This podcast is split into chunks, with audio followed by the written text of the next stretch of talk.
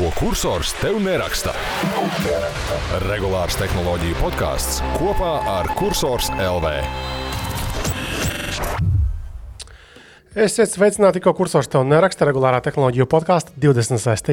epizodē, kas ir ierakstīta ceturtdienas, nu jau krietni vēlākā vakarā, 2. martā studijā Esmais Kristaps. Un šai sarunai mums atkal ir kupls skaits dalībnieku - Henrijs, Jurģis un Ansis. Sveiki, Zēni, Lakar! Labvakar. Labs vakars, labrīt. Čau, čau. Laikam visu mūsu būšana podkāstā, plus viesis radīja pamatu ļoti labiem klausījumu rezultātiem. Jo es gan, gan jums parādīju pa dienu, gan arī tagad klausītājiem gribu pateikt, jā, ka milzīgs paldies, ka tā iepriekšējā mūsu 25. epizode, kurā bija tā stundu garā saruna ar Aivaru Mējeru, bija nu, ļoti klausīta un, un krietni klausītāka. Nu, labi, ne krietni, bet, bet jūtamīgi klausītāka nekā, nekā citas uh, epizodes. Mēs, starp citu, arī skatījāmies uh, statistiku, uh, lai tīri saprastu vispār, kā mūs klausās. Un, uh, Tehniski tā runājot, nu, mēs publicējamies no Anchor FM, tādas vietnes, kuru savu pirms kaut kāda gada vai diviem nopirka Spotify. Tātad, uh, publicējot podkāstu šajā platformā, automātiski podkāsts smuki mm, parādās Spotify. Bet uh, reizē dabū RSS feedu, kuru var iebakstīt pēc tam Apple, Google podkāstos, Amazonā, jebkur, kur vēl gribās. Nu, lūk, un tad pamatvieta, kur mēs skatāmies statistiku, ir Enkurs. Un Enkurā, man liekas, ka rāda tikai datus par, par, par Spotify. Nu, tur, cik tur tie klausījumi, cik tur tā auditorija ir. Un šodien mēs arī ielūkā, ielūkojāmies arī Apple tajā, tajā sadaļā, platformā. Un tur arī bija tādi ļoti lieli skaitļi, aptuveni tādi paši kā Spotify. Tagad drusku tāds iekšēji neskaidri vismaz man ir. Vai tiešām mūs tik daudz klausās? Un kas ir interesanti, tātad Apple tā platforma rāda arī cik procenti no visas tās epizodes ir izklausīti tiem, tiem, tiem cilvēkiem. Un tas, laikam, tur bija milzīgi skaitļi. Tur bija epizodes, kur bija kaut kas ap 90% kaut kādiem. Tā kā, tā kā, vai tiešām tik ļoti patīk tas, ko Ansis uh, stāsta, visi varbūt gaida katrā epizodē, kad vēl kaut ko par biksītēm pieminēs. Šoreiz ir kaut kas sagatavots Ansi par šo tēmu. Tas, tas ir viss, viss, no, viss nāk no sirds, nekas nav skriptots, nekas nav sagatavots iepriekš. Atskaitot reklāmas, ar kuru patiesībā mēs laikam var, varam sākt, lai ķertos klāt pie neskriptētajām lietām. Labi? Manuprāt, foto un video uzņemšana ir viena no galvenajām vietāluņu funkcijām. Galu galā tā ir ierīce, kas faktiski 24 stundas diennaktī ir ar mums blakus, un ar to varam iemūžināt tik vienu mums svarīgu momentu. Tā kā šie momenti ir dažādi un atgadās pilnīgi dažādās diennakts laikos un apgaismojuma apstākļos, telefonam ir jābūt spējīgam tos kvalitatīvi piefiksēt. Tāpēc mūsdienīgie vietāruņi ir aprīkoti uzreiz ar vairākām kamerām. OnePlus 11.5G jau pa gabalu redzams izteikti pamatīgais kameru bloks. Telefonā aizmugurē ir veselas trīs kameras. Ir 50 megapikseli galvenā kamera, 48 megapikseli ultraplātleņķa kamera un 32 megapikseli portretu telekamera. Telefonam priekšpusē iebūvēta 16 megapikseli pašiņu kamera. Sensorus šīm kamerām izstrādājuši industrijas eksperti no Sony. Savukārt pie telefona kameru krāsa korekcijas algoritmiem savu artavu devuši leģendārā zviedru uzņēmuma Hasselblad speciālisti. Starp citu, tieši Hasselblad kameras izmanto pasaulē labākie fotografi, un ar šī zīmola kameru 1960. 1969. gadā tika nofotografēta Apollo 11 misijas nolaišanās uz mēnesi. Interesanti, ka pašas kameras vēl šobrīd ir palikušas uz mēnesi, jo svara ierobežojumi liedza tās paņemt eh, līdzi atceļā uz Zemi. OnePlus plāno savu kameru uzlabošanā ieguldīt 150 miljonus ASV dolāru, un arī sadarbībā ar Hasselblad ir ilgtermiņa projekts. Bet tā kā šis telefons uzņem fotografijas un, un, un filmē, atbilde ir tāda, ka nu, ļoti labi un paredzami. Un tieši paredzami, man liekas, ir tas svarīgākais. Uz OnePlus 11 5G kameru sniegumu varam paļauties. Tās mūs nepievils. Bet vai tad mēs sagaidām mazāk no flagmaņa klases ierīces? Jau no OnePlus 11 5G var pasūtīt no ražotāja mājaslapas oneplus.com, kā arī iegādāties tepat lokāli pie Bites un Tele2.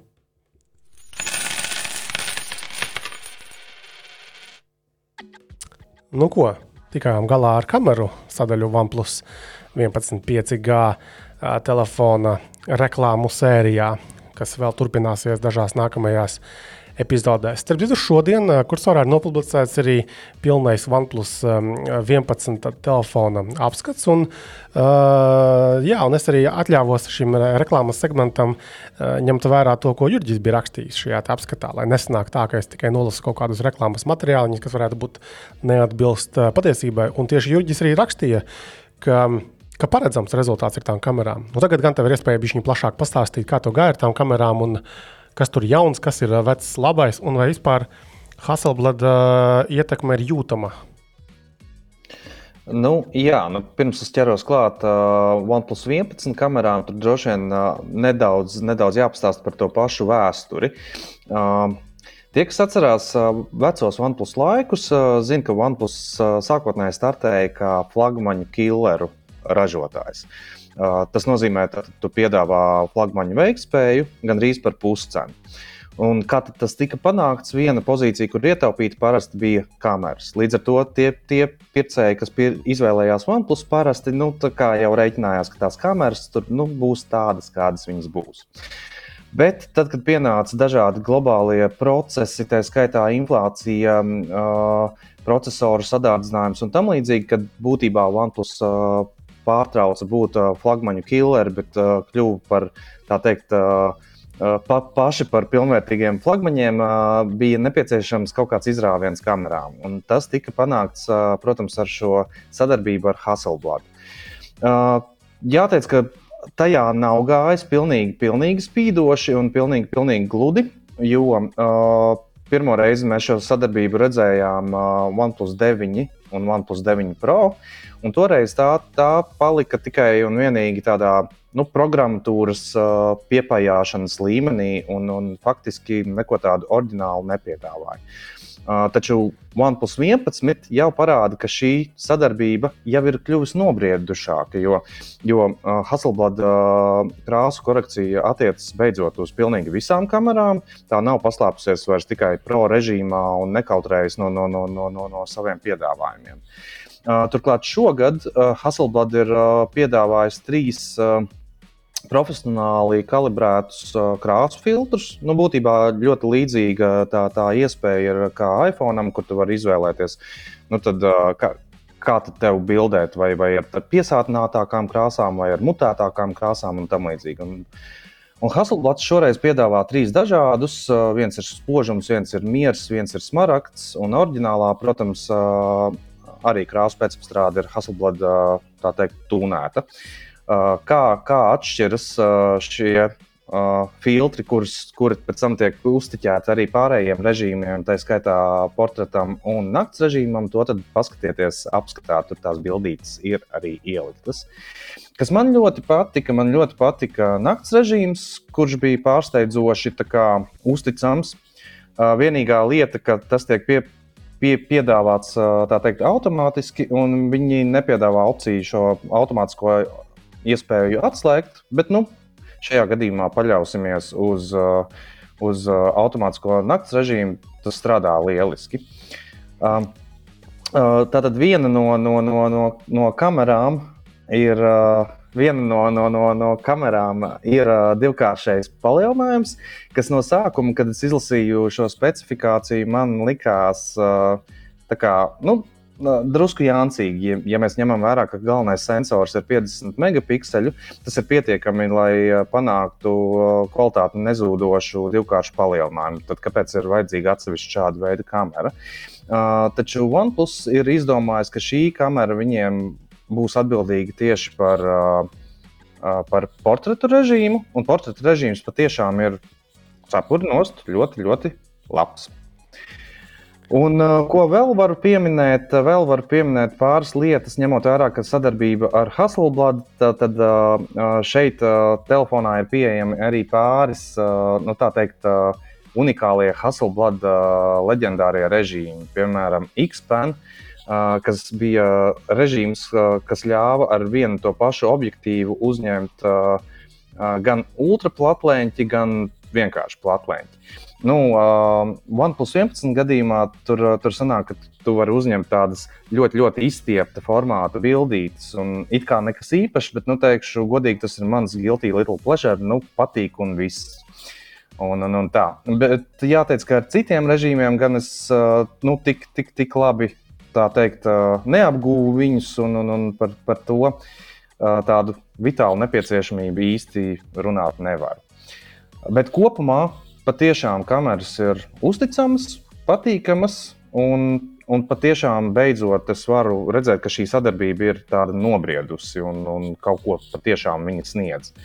Uh, žēl, protams, ka uh, tad, kad šī sadarbība sākās, tad bija arī solījumi, ka Hasselblad uh, paši projektēs dzelžus. Tas pagaidām nav noticis. Nu, cerēsim uz, uz nākamajiem gadiem, jo tad gan tas varētu būt patiešām, patiešām interesanti. Paldies! Es gatavojot uh, to reklāmas bloku, es papētīju, ka uh, Tātad OnePlus 2021. gadā, manuprāt, izziņoja, ka viņiem uz trījiem gadiem ir noslēgta sadarbība ar Hasselblad, un uh, toreiz arī par tiem 150 miljoniem ASV dolāru uh, to, to, tiem ieguldījumiem. Uh, nu, trīs gadi tūlītās būs pagājuši. Uh, tad interesanti, vai nu viņi tagad nākamajā tajā paudzē, iterācijā būs kaut ko ar tiem dzelžiem sataisījuši, vai arī kaut kad tālāk. Ot, interesanti, jā, kā attīstīsies. Uh, Nu, to, to ir tiešām grūti minēt, jo, jo viņi jau pirmajā gadā solīja, ka šo, šogad tikai programmatūra, nākamgad būs dzelži, bet uh, mēs tos dzelžus tā arī neieraudzījām. Līdz ar to tie plāni viņiem var, var mainīties kaut kādā brīdī. Bet, jā, bet jāatgādina, ka šeit ir nedaudz jāatgādina arī par to, ka OnePlus teikt, ir jau saplūdis ar Oppo, savu mātes uzņēmumu uh, ražotāju. Uh, Un arī Oppo ir paņēmis uh, sev šo sadarbību ar Hasselblad, jo jaunajiem Oppo flagmaņiem arī tiek likts klāt Hasselblad logo. Mm -hmm. Bet, jā, bet tas, ko es dzirdēju no, no tevis teiktā par tiem režīmiem, uh, bet nu, forši, nu, ir tie režīmi un, uh, ja izskatās viņi uh, labi vai kaut kādā mērā tur, nezinu, pietuvināti kaut kādām tām viņu dārgajām kamerām, ko mēs mūžā visdrīzāk nekad neredzēsim, nedabūsim palietot. Nu, vismaz kaut kas interesants uh, tajā jomā. Uh, Bet nu, labi, ar OnePlus tā kā viss ir. Ah, kaut gan nē, MVC izstādē. Ko tieši tur paziņoja, izziņoja OnePlus? Tur bija, man liekas, divas ziņas. Bija par salokām, vai kurš Ansi tur rakstīja? Jā, tur viņiem bija plāns par to, ka kaut kad šogad uz, uz rudeni vairāk būs uh, kaut kāds lokanais ekrāns, lokanā ekrāna vietā tālrunis. Bet sīkāk nekas netika pateikts. Un pateikts, tad... ir, ka būs, bet uh, un, un pateikts, ka šogad vairāk nekas nav zināms. Okay, un tad bija tas vēl kaut kāds koncepts ar tām dīvainajām kaut kādām gaismiņām, tur vēl kaut kādām lietām. Jā, Jā viņi, viņi, viņi izziņoja konceptu telefonu, un tās dīvainās gaismiņas bija tās, kas ilustrē uh, dzēsēšanu. Uh, jo, jo viņi dzēsē tur ar, ar šķidrumiņu, un tur tās uh, gaismiņas arī tā kā tas šķidrumiņš tur arī plūda. Bet uh, citi tikai ap... tāds sīkums, ka viņš nestrādā. Jā, MK bieži jā, jā, jā, jā, jā. Tur jau tā lieta, ka citi apskatnieki to bija apskatījušies, un, un, un tur praktiskā ieguvuma ir, ir nekāda. Uh, Bet tas ir jautājums būtībā par, par šiem konceptiem kā tādiem. Nu, tas, tas vienalga ir mārketinga triks. Tas ir nu, jautājums par to, ka tev ir jāpievērš izstādē uzmanība savam ražotājam. Un, nu, tieši tā iemesla dēļ jau viņi to dara. Da, labi, es atceros pats MVC. Uh, un arī IFA, man liekas, es pats biju kaut kādus gadus atpakaļ, kad sāka parādīties Samsungam šie pirmie salokāmie telefoni. Un vispār pirmajā izstādē viņš bija stikla kastē iebāzts, un tā kā visi varēja redzēt, pa gabalu pieskarties neviens nevarēja. Tagad, man liekas, var pieskarties. Henrij, bet tu vēl, man liekas, rakstīji, vai vismaz tev atzīmēts ir tēmās, ka uh, tur vēl kaut kāda bija dzēsēšanas ierīce tam OnePlusam klāt, tur uzbūvēta. Kas tas ir? Kas tur liela? Jā, nu tas telefons nestrādāja, bet vienīgais, ko OnePlus reāli nodemonstrēja un parādīja, ir šķidrās dzēses iekārta telefonam ko var pielikt telefona aizmugurē. Uh, un tur vēl būs speciāls viņa adapterīts, un nu, speciāli vēl tā kā upsis izskatās, plus mīnus tādā izmērā, nezinu, tu noliks uz galda. Tā tu pieliksi to dzēsētāju telefona aizmugurē, un tev dzēsēs, kā norādīja, bija Android Central, man liekas, bija pārstāvji. Uh, vai arī OnePlus pats teica, ka 20 grādiem pat samazinājums ir, kas ir diezgan iespaidīgi. Un, un to tiešām varēja just. Viņi bija rakstījuši fiziski, ka to uz vietas var just, bet, nu, protams, praksē tev pirmkārt telefons ir jātur, jātur ainavu uh, skatā, nu, viņš uz ārā nāca kā 3 centimetri. Kā, bet, nu, es bet domāju, ka kaut kādiem gameriem tas tā. ir super.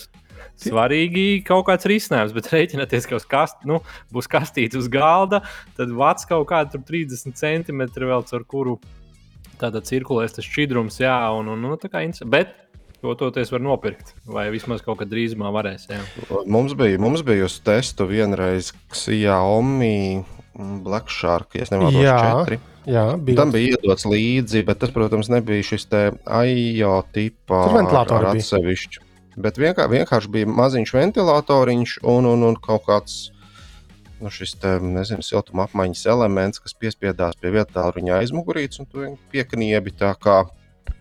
Nu, nezinu, tā kā mašīnā tu iekniebi iekšā telefonu nu, ventilācijas restēs ar to turētāju. Tā līdzīgi telefons turējās arī šajā gadījumā. Nu, tas dzēsētājs turējās arī šajā gadījumā klāt. Un, un, un es teiktu, ka pat ar maziņu ventilatoru iekšā tas ventilatoriņš barojās no Type C vada parastā lādētāja, turēja piesprost pie esošā lādētāja. Un nu, tas uh, dzēsētājs bija diezgan iespaidīgs. Nu, tādā ziņā, ka, uh, ja tu atstāji uz kaut kādu minūti vai divām, nu, vasarā, kad ir pietiekams mitrums telpās, tad uh, pat nosvīda, nokondensējās mm. tur ūdens uz tā. Nu, bija piet, tā dzēsēšanas jauda, tādam maziņam, maziņam struntiņam bija jau, jau ļoti iespaidīga. Tādam lielam aparātam, nu, tu nezini, tur jau ir datorprocessors nodzesēt. Krut, krūtajiem asus rogfoniem arī Jep. nāca līdzi. Un, uh, un uh, mūsu platumgrādos gan uh, ZTE Red Magic nav pārāk izplatīti, bet uh, viņiem ir interesanti tas, tas, ka viņi patiešām ir uh, korpusā iemānījuši iekšā maziņu ventilatoriņu telefonu. Ā, pat pašā jau telefonā. Jā. Un tad no bikšu kabatas kaut kāda putekļa tur ieiet iekšā. Un, nu, tad labākaj, labākajā gadījumā putekļi no bikšu kabatas. Ej, tu viņu ieliec bikškavā tā sākumā. Nu, arī tur bija laikam palielināta. Es, es, es Galvenais, lai neierauj neko iekšā ventilatorā. Bet viņas jau vēl kabatā jāieliek. Jā. Mm, Jā, galvenais, lai makaroni neierauj ventilatorā. Jā, um, labi, tas, tas jā. Tad vēl bija Motorola tie izritināmie ekrāni. Uh, man liekas, ka jau CSA bija kaut, kādi, kaut, kā, kaut kas tika parādīts no datora puses, un uh, tagad bija arī par vietāluņiem. Jūs kāds redzējāt to video, kā izskatās? Es redzēju, kā, kā viņš izskatās. Nu, tur tā, tā doma ir tāda, nu, ja mēs iedomājamies tādu mm, iPhone mini, uh, tad pēkšņi šis iPhone mini var uh, nu, izritināties par tādu Xperiju, nu, tā kā ga, garuma ziņā. Protams, ka tas ir koncepts, uh, bet man patika Maikla Fišera uh, video, kur viņš patiešām arī tiem uh, cilvēkiem, nu, Lenovo Motorola pārstāvjiem arī uh, prasīja, nu, uh, nu, vai šī ir tā kā reāla vai nereāla nākotne. Un Viņi atbildēja, ka viņi pārsvarā konceptus, uh, kurus atrāda cilvēkiem, viņiem ir doma viņus kaut kādā brīdī tā kā palaist arī uh, nopērkamus un pieejamus uh, tautiņās. Tā kā, nu, paskatīsimies. Jo, jo tur bija tas Motorola telefons, uh, Razer. Razer. Nu, laikam tā, tās- Rizar. Nu, jā. Razer. Un, uh, un tiešām izskatās stilīgi, piespiedu podziņas ānā viņš izšļūts uz augšu, un pēc tam piespiedu vēlreiz, un lai viņš nobrauc. Un līdzīga ideja bija arī uh, portatīvajam datoram, arī nu, no malas tā kā laptops, kā laptops, bet atkal kaut kādu burvju pogu piespiedu, un tas displejs vienkārši uz augšu pašļūts. Uh, diezgan, diezgan forši. Um, Tad tālāk uh, vēl no tādām interesantām lietām es pamanīju, zinu, ko. Uh, ka bija tāds uh, ražotājs kā Tekno, Tecno. Uh, un, un, uh, un arī viņi bija atbraukuši uz MVC parādīties, kas viņiem jauns, un viņiem bija tāds mm, uh, modelis, uh, Kamon 19 Pro vai kaut kas tamlīdzīgs. Uh, bet viņiem tā doma ir tāda, ka uh, telefona aizmugure ir pa lielam kaut kāds krāsu mainīt spējīgs panelis. Nu, ne, tas nav displejs, bet uh, kaut kāds panelis, kas, kas spēj krāsiņas attēlot. Un tā principā tev ir iegūst telefonu, kas ir vienkārši atkarībā no kaut kādām aplikācijām vai no kaut kādiem nezinu, režīmiem. Tu vari ieprogrammēt, lai viņš nu, maina tas, nevis viņš šos te, nu, paneļa krāsu. Man liekas, tas ir tāds stilīga lieta. Šitā, jā, nu, šis koncepts bija interesants. Viņš ir interesants arī ar to, ka, ka, ka tu patiešām pašā telefonā vari ko, kontrolēt tās krāsiņas. Jo uh, citus gadus viņi jau reāli izlaida tādu telefonu, kam krāsas mainās attiecībā no temperatūras. Uh, kas man atgādināja savukārt bērnību. Man bērnībā bija arī tāda zopasta, nu, zo, zobu birsta, kurai tu uzlēji augstu ūdeni, viņu vienā krāsā uzlēji siltu ūdeni, viņi paliek citā krāsā. Tad tā, tā, tā, tās aizmugurītes mēdz, mēdz mainīties. Bet šis ir interesants koncepts ar to, ka tu patiešām vari viņu kontrolēt. Tas nav tikai nu, no temperatūras vai, vai, vai UV stariem vai kaut kā tamlīdzīga. Un tā ir tāda feature, ko es ļoti labprāt gribētu redzēt arī šajos nu, tā saucamajos A, jeb ja premium klases ražotāju telefonos. Jo, nu, ko, Henrij? Piemēram, iPhone'os neceri. Ne, labi, iPhone ir pārāk snobiski. Ai, bet... Kam tev visu to vajag? Bet es arī paskatījos tiem konceptfoniem. Nu, kam, nu, kam, kam reāli to vajag? Bet stilīgi. Ja vēl tur varētu, e, lai šīs uzrakstiņas skrien, zināmā kā tā mašīnām aizmugurē, aizmugurē jau stiklā mēdz uzlikt e, lulu, man liekas, picām ir, e, ka viņi nesās un tu vienkārši tā telefonu tu tur pie auss un vienkārši kaut kāds uzrakstiņš, ka kur Nu, kā no tas, kas pērk prēmiju, tas tirgus, man liekas, ka tam, tam vidējam tirgumam neinteresē. Nezinu, tāpat kā man saistās. Uh, Nezinu, vā, vācu kaut kādi, kas var uzreiz nopirkt BMW, un tam tā vācu kaut kāda 40, 50 gadīgo mm, grupu, kas var nopirkt. Viņi jau pērk, tas ir klasiski, viņiem jau neinteresē tur, lai iPhone nāk ārā kaut kas vai Samsungam. Nu, tas ir mans viedoklis. Man gan šī ideja tīri labi patika. Nu, tā doma, ka tu vari, pirmkārt, tu vari nomainīt krāsu, nemainot, nezinu, vāciņu vai, vai kādu detaļu, kas ir jauki. Tu vari pieskaņot apģērbam, tu vari izcelties uz pārējo fonu. Di- Diezgan stilīgi. Man patīk šī doma. Nu, labi, kā jums patika Nokia G22? Nokia G22. Uh, es teikšu, tā, man uh, nu, super stāvā sajūsmā par to, ko, ko, ko, ko jaun, jaunā Nokia dara. Es nekad neesmu bijis. Uh, nu, ar šo viņi pa, parāda to savu ļoti lielo vēlmi. Uh, tā teikt, iet uh, Eiropas zaļā kursa virzienā. Un būtībā viņi ir izdarījuši to pašu, ko jau kādu laiku dara Fairphones uztaisījuši kopā ar iFixit uh, nu, tā teikt, uh, modularitāti, ka tu vari diezgan ātrā veidā nomainīt ekrāniņu, nomainīt akumulātoru. Šī pati ideja pati par sevi ir ļoti, ļoti feina. Un ļoti apsveicama. Bet tur es saskatu kaut kādu problēmu. Nu, ideja ir tāda, ka, ka tev tam telefonam jābūt ilgspējīgam. Bet jau pašā saknē Nokia arī tam pašam G22 ir iekļāvusi tik, nu, es atvainojos, čābīgu procesoru, ka pēc pāris gadiem tev viņš, tev viņš būs nelietojams tā kā tā. Un šajā ziņā, kaut vai procesora dēļ, vienkārši viņi varēja tādā gadījumā tos dzelžus tomēr sakarīgākus nu, tā kā šim konkrētajam telefonam ielikt, manuprāt. Jā, es arī nebiju dzirdējis par tādu Unisok uh, chipsetu, uh, 4 gigabaita operatīvās atmiņas, kas Android pasaulē nu, ir uh, budžeta uh, principā sniegums. Uh, un arī tātad uh, HMD, nu, kas ir Nokia zīmola tad īpašnieks telefonu biznesā, sola divu lielos operatīvās sistēmas upgradeus un trīs gadus of security updates. Tā kā principā gan 13 Androidu, kas tagad ir aktuālais, gan arī nākamo vēl ierīci dabūtu. Un tāds telefons maksā 179 eiro. Maz, daudz. Kāda, kāda tagad budžeta klasē, Jurgi, tu vairāk seko līdzi 180 Nu, ko var bu- nopirkt? budžeta klasē, nu, ņemot vērā inflāciju un uh, dažādas globālās dišķibeles, budžeta klase šobrīd, diemžēl, jau, jau ir aizsniegusies gandrīz līdz 3, 3, 300 eiro. Līdz ar to, jā, budžeta klasē šī cena iekļaujas, bet, ja mēs paskatāmies tos pašus uh, kšajomus vai, vai, vai rilmijus, viņi tomēr cenšas tev ielikt nu, ātrāk, jaudīgāku procesoru, jo šie šie tevis nosauktie, nu, kā, kā, kā nu, tur viņš saucās, tā to atradīšu. Uh, Unisok. Unisok. Nu, tad, uh, jāteic, ka procesori tādā hierarhijā būtu zem aļģēm un vaļu kakām. Aptuveni tam līdzīgi. Bet, uh, Bet, uh, starp citu, interesantāk par uh, Nokia G22 uh, bija divi citi paziņojumi. Viens no tā paša HMD Un viņu paziņojums ir tas, ka viņi vēlas pārcelt uh, Nokia vietāluņu ražošanu uz Eiropu. Kur? Atpakaļ.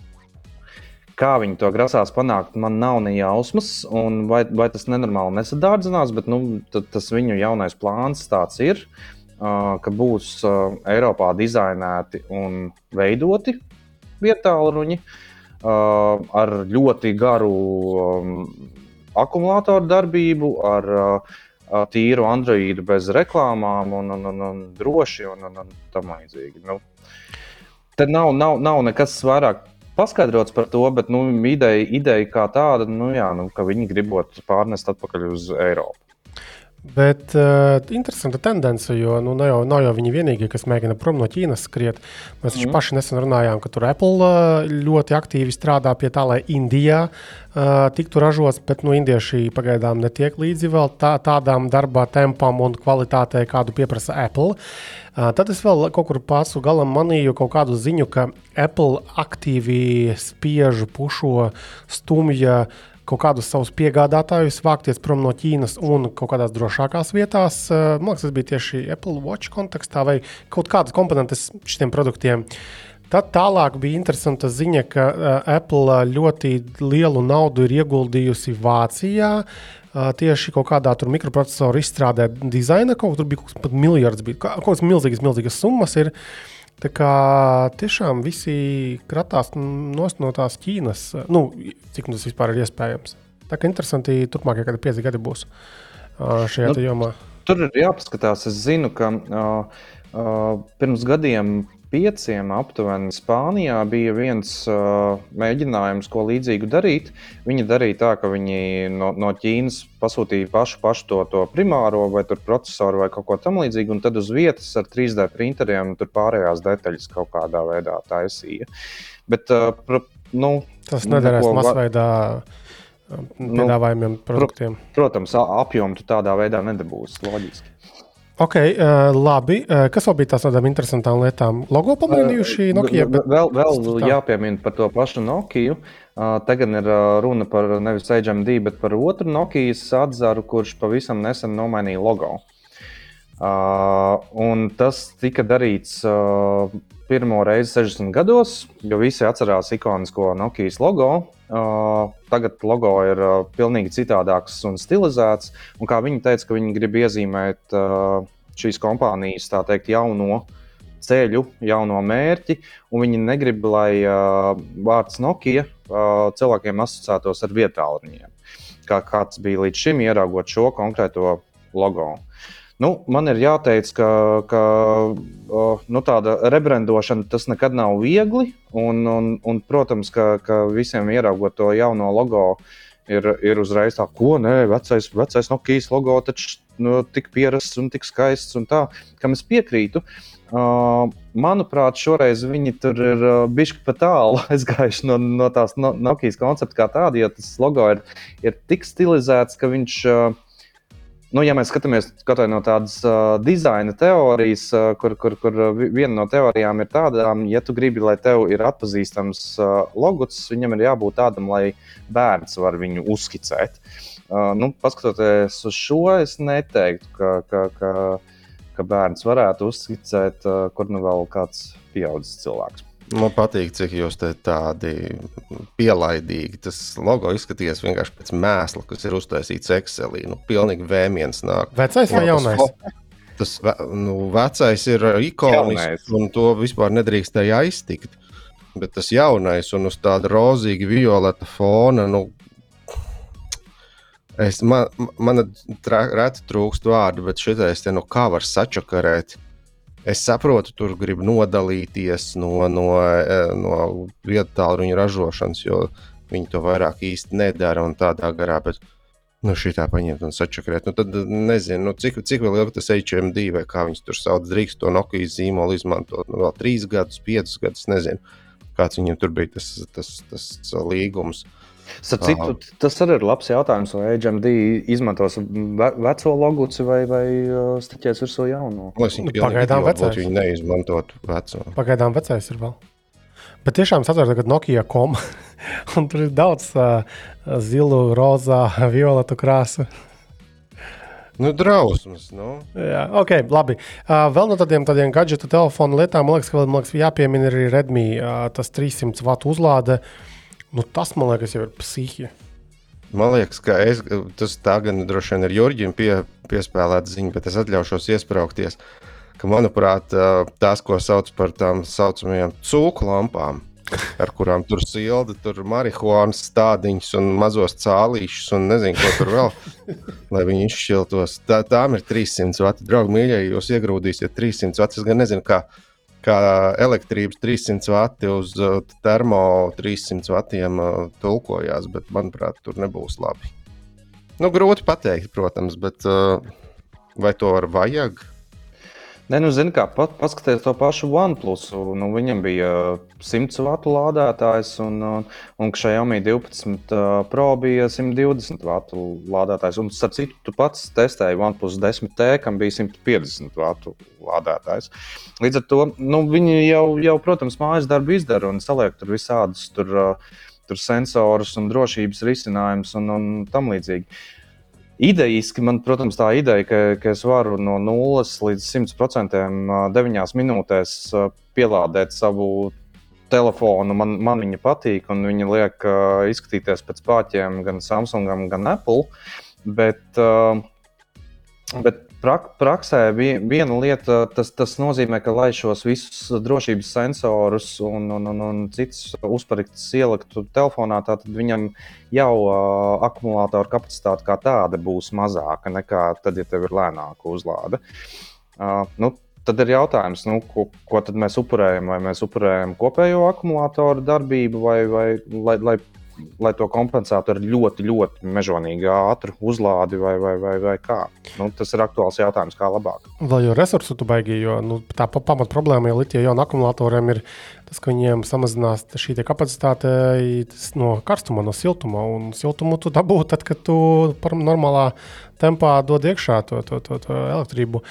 Uh, tāpēc, jā, oh, par lādētājiem runājot, es biju pasūtījis uh, 30 vatu uh, lādētāju telefonam Amazonā, lai dabūtu pikseļa tos 23 vatus vada uzlādes. Jo man mājās bija visi 20 vatnieki, kaut kādi maziņie.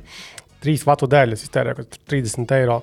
Pieslēdzu pirmajā vakarā. Es biju baigi apbēdināts, ka viņš nelāda, nerāda to nu, rapid charge vai kā viņš tur rādās. Tad man tur Twitterī gudri cilvēki norādīja, ka nu, pagaidi, paņem normālu vadu, pareizo type C, type C. Uh, es tiešām atradu kastīti telefonu, paņēmu un tad viņš rādīja rapid charge. Un tagad pagājis nedēļa, un tas lādētājs ir nosprādzis. Par pirmo reizi man lādētāji nekad nav sprāguši nost, bet viņš viss dēļ nerāda. Nu, nekas nenotiek. Kas kāds ražotājs? Ui, tas bija no kaut kādiem nezināmajiem zīmoliem. Tas nav Antkers, tas, tas bija kaut kas, kaut kas Amazonā, bet es neatceros tagad, kas tas bija. Bet tā nu, būs, būs mācība, ka, ka nevar gluži ko gribi pasūtīt. Lūk, Jā, uh, es atradu, zin, kāds bija viņš. Viņš bija kaut kāds Nitasa. Pirmo reizi dzirdu. No, es esmu kurš kā... to nezinu? Kurš tad Nitasu nezina? Tu zini? Jo, jokojies. Nē, taču, protams, ka nē. Nu, lūk, būs mācība, tad, darbie klausītāji, ne tās pirkt nevajag. Okay, labi, es domāju, ka pietiek tagad, uh, par telefoniem visādiem. Uh, ejam tālāk. Es tomēr gribu vēl, vēl divas lietas pat, pateikt, jo Aiziet. nu, tomēr, tomēr MVC un, un, un, un svar, svarīga lieta. Protams, viena bija tā, ka tika globāli brīvlaista Xiaomi 13 sērija. Uh, kura izskatās īstenībā ļoti, ļoti daudzsološi. Un ļoti daudzi uh, apskatnieki pagaidām pat saka, ka jā, tā cena ir augsta. Uh, par pro versiju tie 1200 eiro tas ir daudz, bet uh, viņiem pat ir izdevies kaut kādā veidā to attaisnot, ka, ka tas kameras sniegums ir, ir ļoti labs akumulātors strādā labi, veiktspēja izcila un, un, un, un, un ka viss ir brīnišķīgi. Tā kā ļoti, ļoti ceru, ka, ka tie, šie telefoni nonāks arī pie mums uz testu, jo, jo tas būs patiešām interesanti.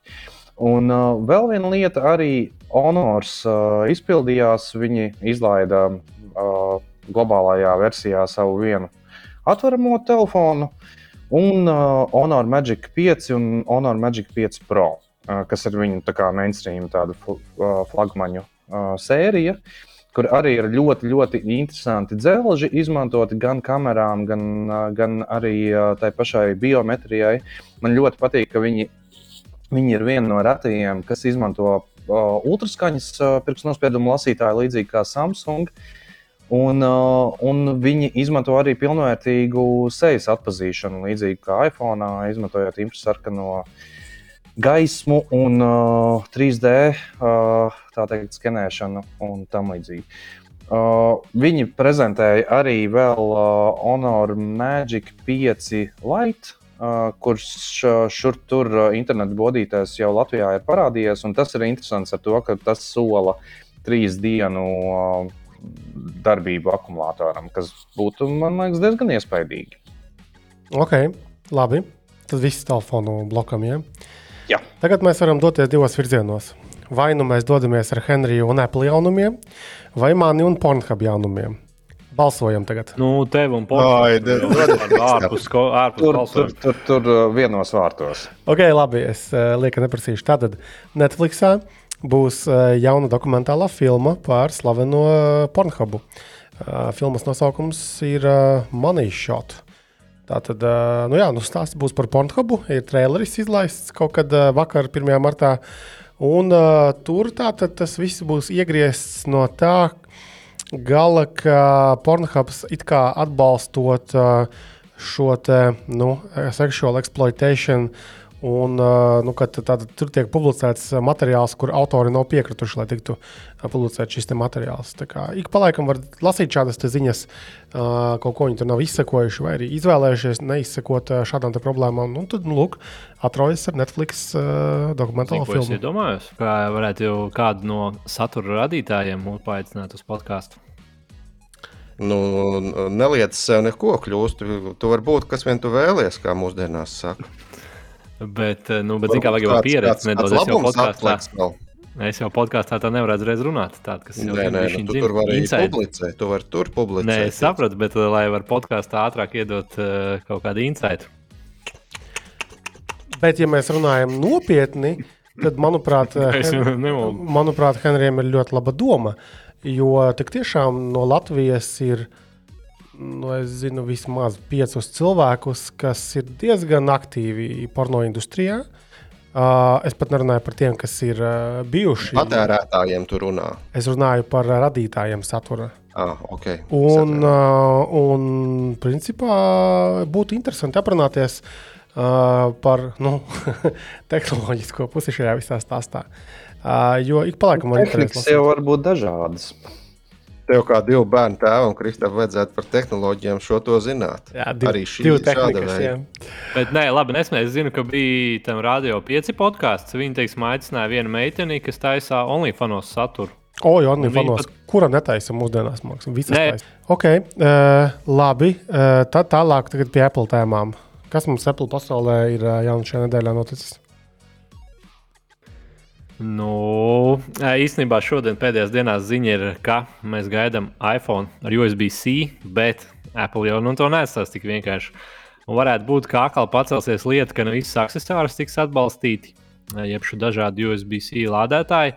Te gan vairāk tur domas dalās, tas, tas jau tāds baumas. Uh, Bet tas ir saistīts ar to, ka ir šie made for iPhone accessori. Ja godīgi, es vispār neesmu pēdējā laikā redzējis, ka kāds baigs speciāli to izcelt, bet tas bija gan tāds, eh, nu, es saprotu, ka arī vairs nav tik aktuāli, kā tas bija pirms kaut kādiem 10, 15 gadiem. Kā Apple tad oficiāli nosertificē un pārdod ar šo labelu, jo vienkārši Apple ir daudz iPhone, bet visi grib tirgoties, nu, it kā tie labākie uh, labākie, atbilstošākie. Protams, Apple var no tā noslaukt kaut kādus procentus, kas aiziet viņiem no katra pārdotā. Un iespējams, ka varētu būt, ka tagad saistībā ar to USB-C, kā, ka viņi ir spiesti pāriet, tad viņi varētu arī kaut kādas joks izspēlēt. Bet nu, tur bija teikts, ka varbūt nevarēs tik ātri lādēt. Iespējams, tie, kas nav atbalstītie, varbūt gadīsies, ka tiešām nelādēs. Nu, tā kā te atkal būs tas uh, vadu menedžments, jau ko liekas, mēs jau podkāstu pirmajās epizodēs runājām. Kvants teica, ka jau tagad brīžiem kaut kāds USB-C iet, kaut kāds neiet. Nu, tur atkarīgs, teiksim, jā, nu, definēsim to pa vadu kvalitāti, kā es to uzskatu. Jā, tas vispār būs interesanti. Bet nekur jau nav teikts, ka tas iPhone būs šogad ar to USB-C, jo viņš jau principā varētu arī būt nākamgad. Jā, Nu, tad uh, vēl no pagājušās nedēļas, jā, ka, ka ir uh, taisīts uh, pētījums, un loģiski, ka Apple Watch īpašniekiem ir jaunāks iPhone. Protams, tur var, kā es jau iekomentēju, mums pat var padiskutēt un pasmieties. Bet tur bija, ka teiksim, par 10% vairāk ir jaunais 14. iPhone, un arī bija ka, ka 13, 14 jauno pērkot, tad arī tur teiksim, par 10% vairāk ir tiem, kam ir Apple Watch. Bet nu, es arī tā skatos, protams, tas ir tāds, man liekas, tāda vairāk tāda mārketinga, mārketinga šis aptauja un analīze. Un, un loģiski, Apple Watch strādā tikai ar iPhone. Kā, nu, tur, tas jau arī var kaut kādas paralēlas vilkt. Jā, bet nu, kopumā bija tāda tendence, jā, ka Apple Watch. Bet es gan vairāk domāju, tas pat kaut kā var savilkt, ka Apple Watch varbūt arī diezgan populārs. Nu, tādā veidā. Tā kā. Tas tāds, bet, tāds smieklīgais. Tas nav smieklīgi. Tas ir nopietni. Tavā gadījumā tev ir gan jaunākais iPhone, gan jaunākais Apple Watch. Jā, bet tāpēc, man bija ilgi, nebija vecais, man bija ilgi vecais Apple Watch. Bet, nu jā, jā. A, ko, a, kurš iPhone tev bija tad, kad bija tas rīktīgi vecais, vecais uh, Apple Watch? 13. Div... Es visu laiku mainu iPhone katru gadu. Man nu, jā, tad, tad jau tu tieši esi statistikā. nu, es esmu tieši šajā. Tev vajag jaunāko veču. Tev ir jaunākais iPhone plus večs. Tātad tu izpildīji nu, priekšnosacījumus. Ka... Nu, es, jā, bet, labi, bet tur jau jāskatās, kāds tev iOS pirmkārt. Nu, labi, veco es vēl arī atbalstu. Tur jau bija šim vēl kaut kā tur, tur var būt dziļāk skatīties. Bet es domāju, vidējais pircējs tā nepērk vienkārši. Tas tāds jā, PR, PR. Bet jā, pareizi jums taisnības ierakstos. Tādā ziņā klusa klus nedēļa nav nemaz šoreiz. Kas tur ar Spotify bija? Es redzu, ka tas atzīmēs un izpētījis Spotify. Jā. Ko viņi tur pamainījuši? Sirsniņā izvākuši? Uh, Viņi ir noņēmuši sirsniņu un iz, bija, nu, kad uzspies laika, un tā viņi iekrīt arī tā tādā playlistā vai atskaņošanas sarakstā. Tad tagad būs plus zīme, bet mainīsies arī funkcionalitāte, ka ar to plus zīmi tu varēsi pie reizes ielikt, kurā, kurā playlistā mm, atskaņošanas sarakstā nebūs divas darbības jādara, viņš uzreiz piedāvās. Pagaidām gan neizdevās notestēt. Kaut kas mums rakstīja Discordā, saka, lika roku uz sirds, ka viņš jau ir to redzējis, bet viņš vēlreiz ielādēja, ka nebija jāpagaida. Bet nedaudz mainīsies funkcionalitāte. Es, do, es, es uzskatu, ka tas ir liels izmaiņas, tādam it kā sīkums, bet pa lielam es arī pirms tam biju nolaikojis, bet tiešām piekrītu, ka tas būtu ērtāk. Un, un es kaut kā pie sevis padomāju, kā viņi to kā viņi to izpēta. No šīs puses tādā es tā aizdomājos vairāk, kā viņi nonāk pie tā, kā vispār to maina produktu. Bet nu, tas varbūt iespaidojoties no, no tās Aivara uh, intervijas, kas mums bija pagājušajā podkāstā, nu, tā, tā, tā vairāk padomājot. It kā maza izmaiņa, bet īstenībā ļoti fundamentāli liela. Uh, acīm redzot, ir kaut kāds mērķis. Viņi grib laikam vairāk uh, kustināt savus šīs playlistes. Nevis lai tas uh, dziesmiņa iebirst kaut kādā vienā, tur lavda songs. Uh, bet, lai motivētu cilvēkus vairāk taisīt šīs playlistes, nācim to izmantot. Es pieņemu, nu, vienmēr parasti šādos lēmumos sāk ar mērķi, un tad domā, ok, kā mēs to varam panākt. Pamainot esošo funkcionalitāti, kaut ko jaunu izdarot, kaut ko aizvācot. Nu, tas tā parasti notiek. Es tagad noapdētoju Spotify paralēli, kam ir klausījies, ko tas stāsti, un man joprojām ir sirsniņa. No. Tā kā nekas vēl tāds - zinot, ka tev ir tieši tā paša, man arī vēl ar vienu ir sirsniņa. Tev ir krūtākais Android telefons un tāpat. Nu, labi, labi, es pieņemu, ka mūsu reģionā vēl nav Bet kaut kur jau lēnām garā sākās. Kā... Gan jau, ka panesīsies jā. kaut kad. Jā. Labi, uh, vēl par tādām foršām modernām lietām. Kas ir Gārminam? Bija kaut kāds skaļš virsraksts, ka Gārminam tagad būs pulksteņi ar OLED displejiem. Kuriem tieši pulksteņiem un, un kas tieši tur būs no OLED? Tā tad uh, tur, es, tur ir uh, faktiski divi modeļi jauni. Varētu teikt, ka droši vien trīs, bet vienkārši viens no šiem modeļiem ir lielajā un mazajā izmērā. Bet uh, es nedomāju, ka tur mums kaut kā nu, garmi, tā galvenā ziņa ir tā, ka Garmin beidzot arī saviem tiem, kas ir riktīgie tie sporta, nevis Venūs sērija, kas ir tāda drusku tā kā nu, jauniešiem, tā kā meitenīgāka, nu, tā kā, tā kā popsīgāka, jā, tā kā vietpulksteņi drīzāk. Bet arī rīktīgiem, kārtīgiem sporta pulksteņiem ir OLED ekrāns, kas, manuprāt, ir uh, milzīgs.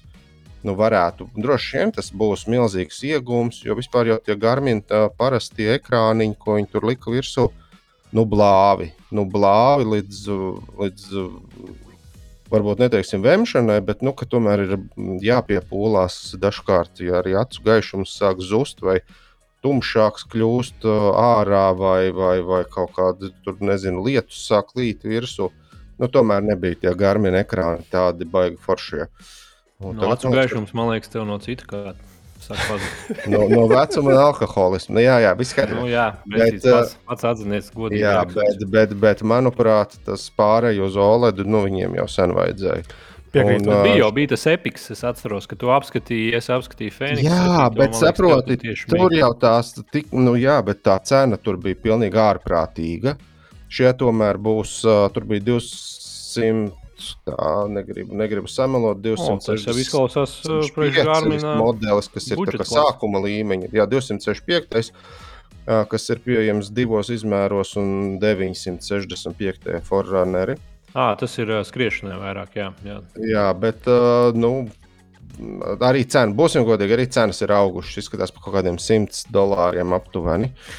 Bet, bet, bet vēl ar vienu tas, manuprāt, varētu būt baigi labais uh, risinājums, jo viņi Garmins sola arī tos pašus ilgos kaut kādus darbības laikus, un no šajā ziņā tur nekas. Nu, Kurš mums Jā. vajag uz testiņu? Nu, šim te 965, kas jau ir ļoti augstais gals Garmina izpratnē, ar, ar AMOLED ekrānu tiek solīts, trīs, tiek solīts 31 stundu GPS režīmā un 23 diennaktis uh, smartwatch režīmā. Tas ir pārprātīgi daudz.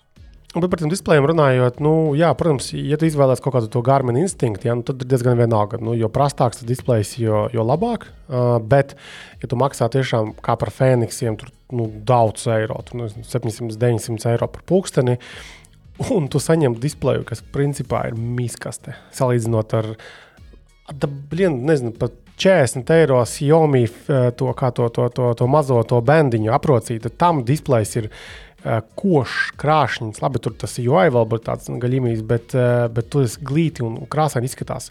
Tad vēl tu nejauši varbūt pagadies Henrijā tūmā un ieskaties viņa uh, Apple Watchā, un tad pilnīgi tā vasaras pār vaigiem sāk rīt, cik var tomēr skaisti būt uh, šie vietpilksteņu displeji. Tagad uh, Gārminam tāpat. Bet man ir uh, noslēgts, man visu laiku nemaz nespīd Apple Watch. Man Jā, bet tev ir iespēja to izdarīt. Jā, Gārminam nebija Garminam iespējas. vienkārši tāda migliņa, tu tādā migliņā tur Bet, skaties. zinot, kā šitais ir vecais jautājums, te var diskutēt stundu, un mēs ne pie kā nenonāksim.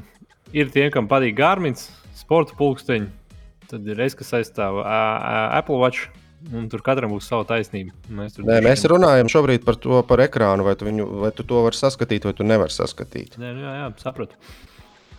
Tā Bet, kā nu, vienīgais, atceros, ka tumsā bija, ka nebija tik traki, ka ieslēdz tur to kaut kādu gaismiņu, kaut ko jau redzēju. Jā, ieslēdz gaismiņu, pagriežās pareizajā virzienā uz ziemeļiem, lai tur nespīd no dienvidiem saule. Jā, jā, jā. jā. Mhm. Eiropas Savienībā digitālās autovadītājas aple- apliecības grib ieviest. Es redzēju virsrakstu šodien šādu, bet es nepaspēju palasīt. Kurš paspēja palasīt? Es iemetu O. aci, bet tur nebija baigi daudz rakstīts tieši par šīm autovadītāju apliecībām digitālajām. Es vēl gribēju izteikt kaut kādus minējumus par to, kā mums, uh, ja, ja arī tiks pieņemta šāda iespēja. Vienmēr sakot, šīs digitālās autovadītāju apliecības tiek ieviestas, lai, vai varētu tikt ieviestas, lai varētu vienādot nu, to uztveri, kā, kā kurā valstī tiek uztverta citas valsts šī vadītāja apliecība, lai tur varētu, protams, sodu talonijas izsūtīt efektīvāk un tā tālāk. Bet uh, no mūsu skatījuma, no mūsu vecais draugs CSDD, oh, jā, nu, viņiem droši vien digitālā autovadītāja apliecība nepatiks, jo nevarēs iekasēt naudu, kā mēs labi zinām, viņiem šitais biznesiņš patīk. Uh, Kad aizbraucu kaut vai uz tehnisko apskatu, tad tev uzlīma logā, kas, es, es protams, neesmu tāds baisais skeptiķis, kā parasti visi citi tur Twitterī. Bet, manuprāt, ja tev visās valstīs apkārt nav tādas uzlīmes logā, un tev ir katru gadu par to uzlīmu jāsamaksā 2 eiro, cik tur 19 vai kaut kas tāds. Nu, tas, jau, tas jau ir principa jautājums. Un šī, te, manuprāt, vadītāja apliecības izsniegšana bija kaut kādi, tā man bija pierakstīts, 22 eiro un 5 centi. Bet tas jau nav. nav tas, jau jādara, jā, tas ir jādara ik pa desmit gadiem, bet uh, nu, tas, man liekas, arī šis jau ir tāds principa jautājums. A, kas Bet tu jau digitālo vari atjaunot, pa lielam. Tur var naudu paprasīt. Nu, bet tieši tā, kas- kas tev liedz, Digitāli, jā, bet tu aizies, nezinu, seju noskanēt, nezinu, tagad tās tehnoloģijas visādas. Un, ja tu, piemēram, gribēsi, lai tavas digitālās tiesības varētu pievienot Apple Walletā, nu, kas tev liedz tur tos 35, 99 pa virsmu uzlikt? Nu? Ui, es obligāti maksātu. Jā. Es vispār gaidu, ka viss šis notiks. Lai es varētu implementēt. Nu, telefonu. labi, Androidistiem neprasīsim naudu. Nu, būsim reāli. Viņi torrentos meklēs tās tiesības, bet vai kā pure vai citās kaut kādās šeit vietās. Bet, nu, Hendrijs taču pats skries un uz CSDD māju nolikt būtu pirmais, 35, es gatavu. 99. ID karte un tiesības. Es esmu tikai par, un vēl kā mūsu etalons kaut kāds attaisīs telefonā. Es, piemēram, biju Londonā, o, pasmuko, visa bez kontakta. Uh, metro vai visi? Vis, nu, viņiem, teiksim, ap Londonu visā, gan vilciena, virzemes, gan autobusu, gan metro, visur varēja norēķināties ar, uh, ar karti, telefonu. Ar parasto Bez karti vai tur tā oyster karte vai kas viņam tur Nevajadzēja kādreiz pat oyster. Tev vienkārši Apple Pay, NFC, tikai bija? ārā. un tālāk, jau forši. Jā, tas ir ītīgi krūti. Tas tā kā senos laikos bija Cirdilē sadarbība ar Rīgas satiksmi, ka tu varēji tā tal jā. talants bija. Mm. Forši Jā, ērti. Tas, Tagad, laikam, vairāk nav pieejams tas. Nē, nē, es arī dzirdēju, ka nav. Nu, Labi, tagad jau vispār nomainījies. Šodien bija laikam pēdējā diena, vai kad tā bija. Tagad tās jaunās biļetes. Ok, uh, labi. Ja mēs par naudas lietām aizrunājām, bija tāda ziņa arī par Revolutu. Revolutu beidzot strādā ar peļņu. Tad tas ir tas vecais klasiskais stāsts par to, ka uh, sākumā ir um, jaunu uzņēmums, startups, kas ies- piesaista finansējumu. Uh, diezgan daudz parasti viņi mēģina piesaistīt, un tad viņi rada pakalpojumus. Un mēģina savākt pēc iespējas vairāk lietotājus, kuriem tad kaut kādā brīdī sāk ieviest papildus maksājumus, lai sāktu kaut kādā brīdī mēģināt uh, pelnīt. Un tieši tas pats ar Revoltu arī notika. Es atceros, ka sākumā viņiem nebija no to maksas plānu, tad viņi plēnām bija tikai no tām komisijām. Uh, un es tagad, kā jau stāstu, atvēru, ka viņi cik ir piesaistījuši to finansējumu. Viņi ir piesaistījuši 1,7 miljardus mm, ASV dolāru. Kā nauda dedzināta ir uz vēlna paraušanu bijusi. Un tāda beidzot, tagad, tajā 20, uh, 20, 20, 20, 2020. gadā, uzņēmumam vēl bija zaudējumi uh, 200 miljonu dolāru apmērā. Savukārt 21. gadā jau bija arī peļņa kaut kāda. Jā, tātad tā, ieņēmumi 3,1 miljonus. Nu, ot, tad beidzot viņi ir uh, tikuši līdz kaut kādai peļņai. Bet ar Revolutu arī tur cilvēki arī nu, nav līdz galam tikuši skaidrībā ar sevi, kas tu tur par izcelsmi, jo nu, tur tas. Uh, Čālijs galvenais Niks Storonskis ir ar kaut kādām krievu uh, saistību. Nu, tā kā vismaz uh, vēsturiski, protams, neviens neko nav pierādījis uh, līdz šim. Paši jūs izmantojat vēl revoltu vai tā nepārāk? Bērniem ļoti ērti ir. Jā, Es izmantoju akcijām, jā. Šādi tad. Uh... Ah, viņiem zina, kas vēl ērti. Man patīk. Nu, ja citi arī teica, jūs tur gribat subscription kaut ko nopirkt, bet negribat, lai jums atjaunojās kādreiz, vai vienkārši aizmirst, tad viņam digitālo karti arī viegli uzlikt un, un, un, uh, un currency nomainīt. Jā, tā kā ik, pa laikam. Jā. Ilgu laiku viņiem tiešām tas jāiemzina, viņš bija tās uh, citas valūtas, un es kaut kad nesen biju vasarā Dānijā. Un, uh, es arī pārkonvertēju uz uh, jau revolūtā, uz tām dāņu kronām. Kronas, laikam, bija. Un, un tad es varēju izņemt naudu, vai ne, es varēju maksāt ar tām kronām, lai man nav katrā maksājumā tā konvertācija uzreiz. Un, Principā, ja es to konvertāciju veiktu revolūtā nevis nedēļas nogalē, kad viņiem bija kaut kāda ekstra vēl čārģa par šo visu, bet, teiksim, darba dienā kaut kādā, tad es domāju, ka es būtu diezgan ieguvējis. Nu, jo katru reizi pārkonvertējot no eiro uz, uz tām kronām, nu, tur sazina, kāda tur tie, tie, tie, tie, tā- tās maksas ir, bet šādā veidā tas ir vēl pluss. Bet, protams, atkal revolūcija arī nav nekāda vakarēja, lai viņi varētu dabūt to peļņu. Eh, Viņi ir sataisījuši, ka tev ir limiti, eh, tev jābūt kaut kādam tam plānam, vispār kontam, un tad tev pienākas tur nezinu, lielākas summas, kuras tu vari vispār pārkonvertēt mēneša griezumā. Tā kā, jā, jā. Un, protams, Revolūta agrāk bija baigi populārs, tad, kad viņi vēl nebija banka uh, Eiropas Savienībā. Un tad tur visi šie alimentu nemaksātāji, visi, visi cita veida žuļīgi, kas tur visādas naudas nu, ļoti aktīvi ņēmās un darbojās. Tagad, kad tepat Lietuvā viņi ir kā banka, tad uh, runā, ka, ja kādam baigi vajadzēs, tad tiks pie šiem datiem nu, nodokļu iestādes un beidzās haļava tādā ziņā. Bet visā Eiropā, man liekas, vairāk neeksistē šāda tipa pieejami brīvi finanšu tehnoloģiju uzņēmumi, kur pavisam šeit lietas var darīt. Visi, visi viņi ir Tas reģistrēti. Varbūt Bet es nezinu.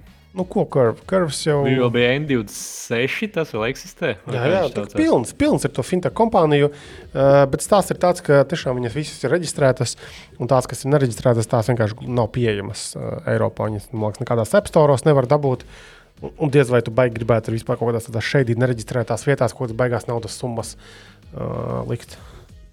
Kā tur ir Ranci šajā jomā? Nav, nav to baigo naudas summu, ko ielikt. ā, Tā jau varētu pamēģināt. Bet ā, nu, grūti pateikt. Ik pa laikam kaut kādā Instagram, kaut kādā Facebookā uzpeld kaut kāds kārtējais. Kārtējā reklāmā, man liekas, man pagājušā, pagājušā nedēļa uzpeldēja arī. Es, es nezinu, kas neatceros, kā sauca. Bet bija atkal visādi nu, tādi paši solījumi, kā Revolutam bija sākumā, kad to tur ātri maksājumi, nav komisijas. uh, Neviens neteica neko par izsakojamību, bet kaut kas uz to pusi šķita. Nu, droši vien, ja vajag, var atrast. Grūti pateikt. Vai, vai es turētu lielus naudas līdzekļus? uh, Nu, revolūtā šobrīd var turēt, jo tomēr ir zem Lietuvas un, attiecīgi, Lietuvas nodokļu maksātāji atbild par taviem 100 tūkstošiem eiro kaut kādā mērā. Uh, par citiem grūti, nu, par citiem kaut kādiem, nezinu, kas te pieminēts N26. Man liekas, tas kaut, bet uh, N26 man liekas, pie mums jau ļoti sen vairs ne, mēs nevaram vairs pieregistrēties. Jā, kaut kādā momentā man liekas, tur nogrieza. Jā, Bija, viņš bija tikai revolūcija parādījās. Jā, viņš tur bija vienu brīdi, baigi aktuālais, bet tad, man liekas, īsts īs tas moments bija. Nu, Acīm redzot, viņi ir reģistrējušies kaut kur, uh, kas neļauj izplatīt pa, pa, pa visām valstīm šajā pusē. Tas bija kaut kas 16. gads jau. Pasen, pasen, pasen bija. Um, ok, labi, Pornhub izrunājām, bet manuprāt, ir nākamais Pornhubs. Uh, vai skatījās kāds no jums vakar vai aizvakar, ne vakar, laikam bija tas uh, Tesla Investor Day uh, prezentācija? Es tā palasīju, es pa, pašu to video nenoskatījos vēl. Uh, es redzēju dažus sajūsminātus storijus Instagram no dažiem vietējiem Ilona šiem te jūsmiņiem. Uh, ka, ka, ka tur viņš tehnoloģijas visiem parādīs, kas un kā un ko. Un tad es reizē palasīju arī pāris rakstus, kuriem vienkārši bija īsumā pastāstīt, ko viņš pastāstīja un nepastāstīja. Bet īsumā rezumējot, uh, ir tā, ka, uh, protams, tātad stāsts ir par to, ka nu, investoriem ir jāparāda, ka ot, tur baigās lietas Tesla dara un uh, ka viss būs labi. Tas viņa lielais uzsvars bija uz to, ka, nu, uh, jāmēģina, ka, ka viņi gribētu, ka Ilons gribētu pārnest uh, pasaules enerģijas patēriņu uz atjauno, atjaunojamajiem resursiem. Un ka tur vēl ir jāpastrādā. Viņi bija kaut ko tur sarēķinājuši baigi uh, šajā virzienā. Uh, tad tālāk bija saruna par to, ka būs tā, tā lētāka Tesla, bet tur baigās detaļas nebija konkrēti pateiktas. Tad bija pateikts, jā, ka Cybertrucks būs šogad, ja nemaldos, bet nebija konkrēts datums pateikts, kad viņi izlaidīs uh, to mašīnu. Un tad bija paziņots, ka būs tā rūpnīca viņiem Bija Meksikā. prototyps, skatījos. Kas bija? Jā. Bet es redzēju, bija kaut kāds prototyps, bišķiņš jau tāds sakarīgāks, ja es pareizi saprotu. Cybertruckam? Jā, nu tur bija ar slotiņu jau un gigantisku vienu, kas nāk šoferu pusē, tāda super, nezinu, metrīgā. Tā būs tāda. Kur tu teiksi, Šeit var droši vien- Eju, ejot prom no mašīnas, ja tu atstāji balderājot, viņi var paņemt nost vienkārši un iet un zvetēt. Žing. Nu, aptuveni. Šeit gan ir jāpiebilst, ka, manuprāt, Cybertruck vai tik mums nesolīja jau piegādāt 17. vai 19. Ai, nu tas gadā. ir mākslas. 17. Nē, to, to te, kas viņiem ir sporta auto. Mm, Nē. Nē, nē, nē Cybertrucks arī baigi vecais. Nu, beidz, laiks ir relatīvs. Man visvairāk patika tā viņa ziņa tātad, par to viņu robotu Optimusu. Ja? Kas man beigās asociējas ar ā, Ma- Maximas opti Maximus. Optimus līniju. Respektīvi, Jūtīgo bamslīti. Jā, tā tad, nu, kurš atcerās šos labos laikus, skaistos. Um, tā tad par to robotu optimusu. Tātad Maskas uzskata, ka nu, Tesla ir viskrūtākie, kas, kas saprot tā saucamo real world AI. Nu, kad ja mašīnas spēj saprast pasauli apkārt, tad to var beigās attiecināt arī uz robotiem. Un viņš paredz, ka ka šis robots kaut kādā brīdī, ka šo robotu būs vairāk nekā cilvēku uz pasaules. Nu, good luck, protams. Bet Bet no, no, no otras puses, tas jau nekas uh, neparasts. Ja mēs skatāmies Somijas uh, stāstu, kur uh, vienā valstī ir uh, vairāk saunas nekā iedzīvotāji, būtībā jau arī tehnoloģija. Līdz ar to roboti arī varētu iet līdzīgu ceļu. Jā. Jā, bet vai sauna tevi vajās par to, ka tu būsi nosviedis činčiku, benčiku uz zemes vai kaut ko tur nolauzis puķīti? Ja klusībā Nu, kā mums rāda karsta. Nevajās gan. Jā. Varbūt tur es smadzenes ierakstīju, tad, zin kā, tāpēc būs tik daudz. Katram būs savs uh, robots. Laiks rādīs. Uh, parasti vienkārši ir jāpieliek kaut kādi, ar kaut kādu koeficientu, ir jāpareizina maskā teiktais, jo daudz kas tiešām ir izdarīts, tā kā visu cieņu. Un, uh, un atkal bija. Šis koeficients ir 0,5 vai ne? Nu, tieši tā. Un, uh. Bet atkal, teiksim, atkal tīri uz papīra viņš atkal kļūst par bagātāko cilvēku pasaulē, jo Tesla akcijas viņam arī tur bija tātad, eh, šī gada.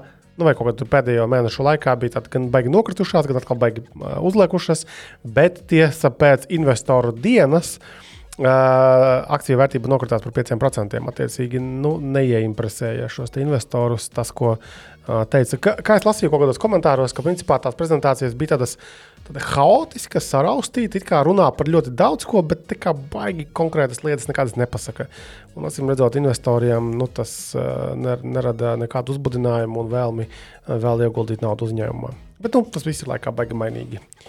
Uh, tas, tas viss, lai viņi tur darbojas, un es gaidu, ka man vairāk par tiem robotiem interesē vēl lētākā Tesla, jo nu, viņi taisīs uh, zem modela Y kaut ko vēl pieejamāku, vēl lētāku. Uh, bet, nu, kad tas vēl notiks reāli. Un, ja tiešām var dabūt jaunu kaut kādu, nezinu, uh, prastu mazu Teslu par 20, 25 tūkstošiem eiro, nu, tas man liekas, ir diezgan mīlīgi.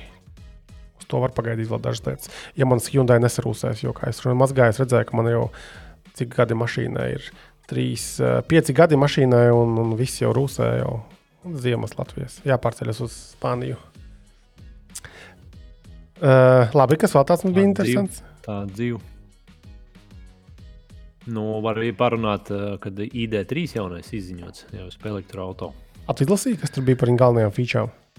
Tā nekā tur nebija. Tur vienkārši pārstrādāts salons, roku balsti un uh, pa, pa nobraukumu. Vispār neko tur baigi nerakstīja. Tikai ļoti gudri sarakstīja, ka materiāli ir otrreiz izmantoti. Kaut kāda 80% bija dizainā, un tad ir pār- pārstrādāts uh, šis panelis, nu, kas ir tieši durvīs iekšā. Un, uh, un tad ir uh, jauna programmatūra. Kas gan man kā bija likās interesanti, kāpēc viņi baigi uzsver jaunu programmatūru. Tad gribu teikt, es nopirkšu tā jau to ķīpu. Es to varu pateikt. Varu- 4000 ID3, un viņiem būs vēl vecā programmatūra un kaut kādam jaunam modelim jauna. Un Tas man, un tas man tā bija no programmatūras viedokļa. Bet uh, diz, kaut kas it kā dizainiski pārstrādāts, bet izskatās lielos filtros. Ar to softveru tā, ka vienkārši tiem pirmajiem ID. Uh, ir, ir, ir ļoti kritiski slikta tā programmatūras kvalitāte. Tā mašīna nereāli gluko, un uh, cilvēki tur uh, raud, čīkst un pīkst. Un, uh, acīm redzot, tāpēc viņi ir izvēlējušies uzsvērt, ka nu, vot, tagad ir čista vot, labs softs, jā, reāli. Nu, okay. nu, es paskatījos, vismaz Latvijas mājaslapā cena bija bišķi, bišķi zem 44,000. Sākot no tā kā nekas, nekas. Uh, Gaidām tas. Nu, jā, pazīstot, pazīstot Volkswagen, ja tu gribēsi stūri un beņķi tur iekšā, tad tie vairs nebūs 44 tūkstoši. Nu, pr- principā tuvojās jau Tesla. Man liekas, Tesla Baltika var oficiāli nopirkt par kaut kādiem, cik tur bija kaut kādi 55, man liekas, sākās lētākā uh, tā standarta range Tesla. Tā kā nav, nav tālu. Jā. Ja jau mēs par mašīnām aizrunājamies, tad man baigi patika ziņa, ka Ford uh, ir kaut kādu patentu tur iesnieguši vai, vai apstiprinājumu dabūjuši patentam. Ka mašīna tātad, ja tu par viņu beidz maksāt, uh, nu, vai ne, nu, pārstāj maksāt šos maksājumus, leasinga, ka mašīna pati atpakaļ pie dīlera aizbrauc. Tā kā tas bija tāds reāli interesants. Tur Uh, bija, jā, tur bija arī komentārs, nu, ka gaida, kad būs pirmie tur nozagtie bērni un suņi, kas ir atstāti mašīnā, kamēr tu ej pēc hotdoga vai, vai pačurāt benzīna tankā vai kaut kā tā. Bet, bet bija atkal ziņa, ka Am- Amerikā ir. Uh, bija laikam uh, vardarbīgā ceļā Volkswagen mašīna atņemta kundzei, kurai bija bērns palicis divgadnieks mašīnā. Un, un, un tur Volkswagen bija, bija beigusies šī kaut kāda izsekošana, maksas pakalpojums. un Volkswagen bija atteicies. Pirms nesamaksāsim 50 dolārus uh, par šo pakalpojumu atjaunošanu, bija atteicies sniegt jebkādu informāciju. Jebkam. Nu, bet mm, mašīna nozagta tādā ziņā, ka es nezinu, kā tehniski tas nolaupīta. Ir tā, ka tev atņem, nevis uz kamēr aizslēgts, tu panākti gulti, tev nozog. Bet, ja te viss sviež ārā un, un vēl iespēja pa vēderu, tad tā ir GTA stila. taupīšana. Kaut kas tāds. Jā, jā, jā. Bet bērns bija palicis iekšā, un Volks, Amerikas Volkswagen bija atteicies kaut ko darīt lietas labā. Nu, tāds baigais. Pagaidām, bet Nejaukais. bērnu vismaz. Ai, tas nav būtiski. Būtiski tas, ka kārtējo reizi bija kāds lielais uzņēmums sačakarējies ar savu kaut kādu servisu un principiem un to, kas ir rakstīts viņiem Excelī. Jā. Ja vēl turpinām tālāk par Volkswagen runāt, tad uh, Volkswagen, Audi, Porsche uh, mašīnām būs uh, App Store. Tātad viņu tajā platformā ir iebūvēts, ka tu varēsi uh, uzstādīt lietotnītes, gan jau arī pirkt lietotnītes, un to starp arī Tiki Tokiju, kas pēdējā laikā ir izpelnījies uh, nemīlestību arī no Eiropas komisijā. Tātad uh, darbiniekiem uz darba ierīcēm ir aizliegts izmantot uh, Tiki Tokiju. Tad kaut kādās tur ASV, te štatu, man liekas, jau tur uh, arī darba, darba telefonos ierīcēs Kanāda kaut ko tādu arī uh, runāja. Un gan jau agrāk, vēlāk arī mm, tas viss atnāks uz Latviju. Un, uh, Nu, ir, jau, ir jau atnācis, jo Rinkēvičs jau uh, paziņoja, ka viņš nu, tā kā, uh, slēdzās ārā no, no TikToka, un, un visa ārlietu ministrija to dara. un Ārlietu ministrija rekomendē to darīt arī pārējiem. Ja kāds tagad būs trieciens Glorijai, ka viņa nevarēs, tagad tas līdz sēmai atnāks, ka viņa nevarēs eh, TikToku izmantot darbā.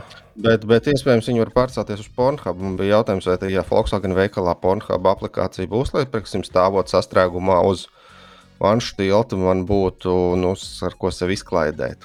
Pagaidiet, bet Pornhub aplikācijā nav. Es paskatīšu, Google Play. Man liekas, ka nav. Neviens, neviens negrib. Tas tik sīkumains. Pagaidiet, pagaidiet, tas ir izpēta porno. Dzīvības un nāves jautājums. Nu, ja vajag noņemt spriedzi. Nu, tieši tā. Zini, kā tāda ķēde. Tu satraucies, tu esi nobraucies gabalā pa struntīgām, Jā. slidenām ielām. Jā. Neizskatās, ka būtu oficiālā. Es redzu, ka ir kaut kāds Pornhub VPN, ir kaut kāds uh, VPN, VPN, download hub. Uh, jā, krāsā, krāsā. Lejupielādēt video. Tādās pašās krāsiņās, jā, logo tas viss ir, bet uh, oficiālās lietotnes mums, protams, nav. Tā joma zeļa un plaukta. Jā. Labi, uh, Pornhubs Pornhubam, kas mums vēl tāds bija interesants. Ugh, es atradu nā, interesantu nākamo ziņu. Tātad, uh, Qualcomm, tātad tas ir kas, tas, tas lielais uh, mikroshēmu čipu ražotājs, ir īpaši mobilajām ierīcēm.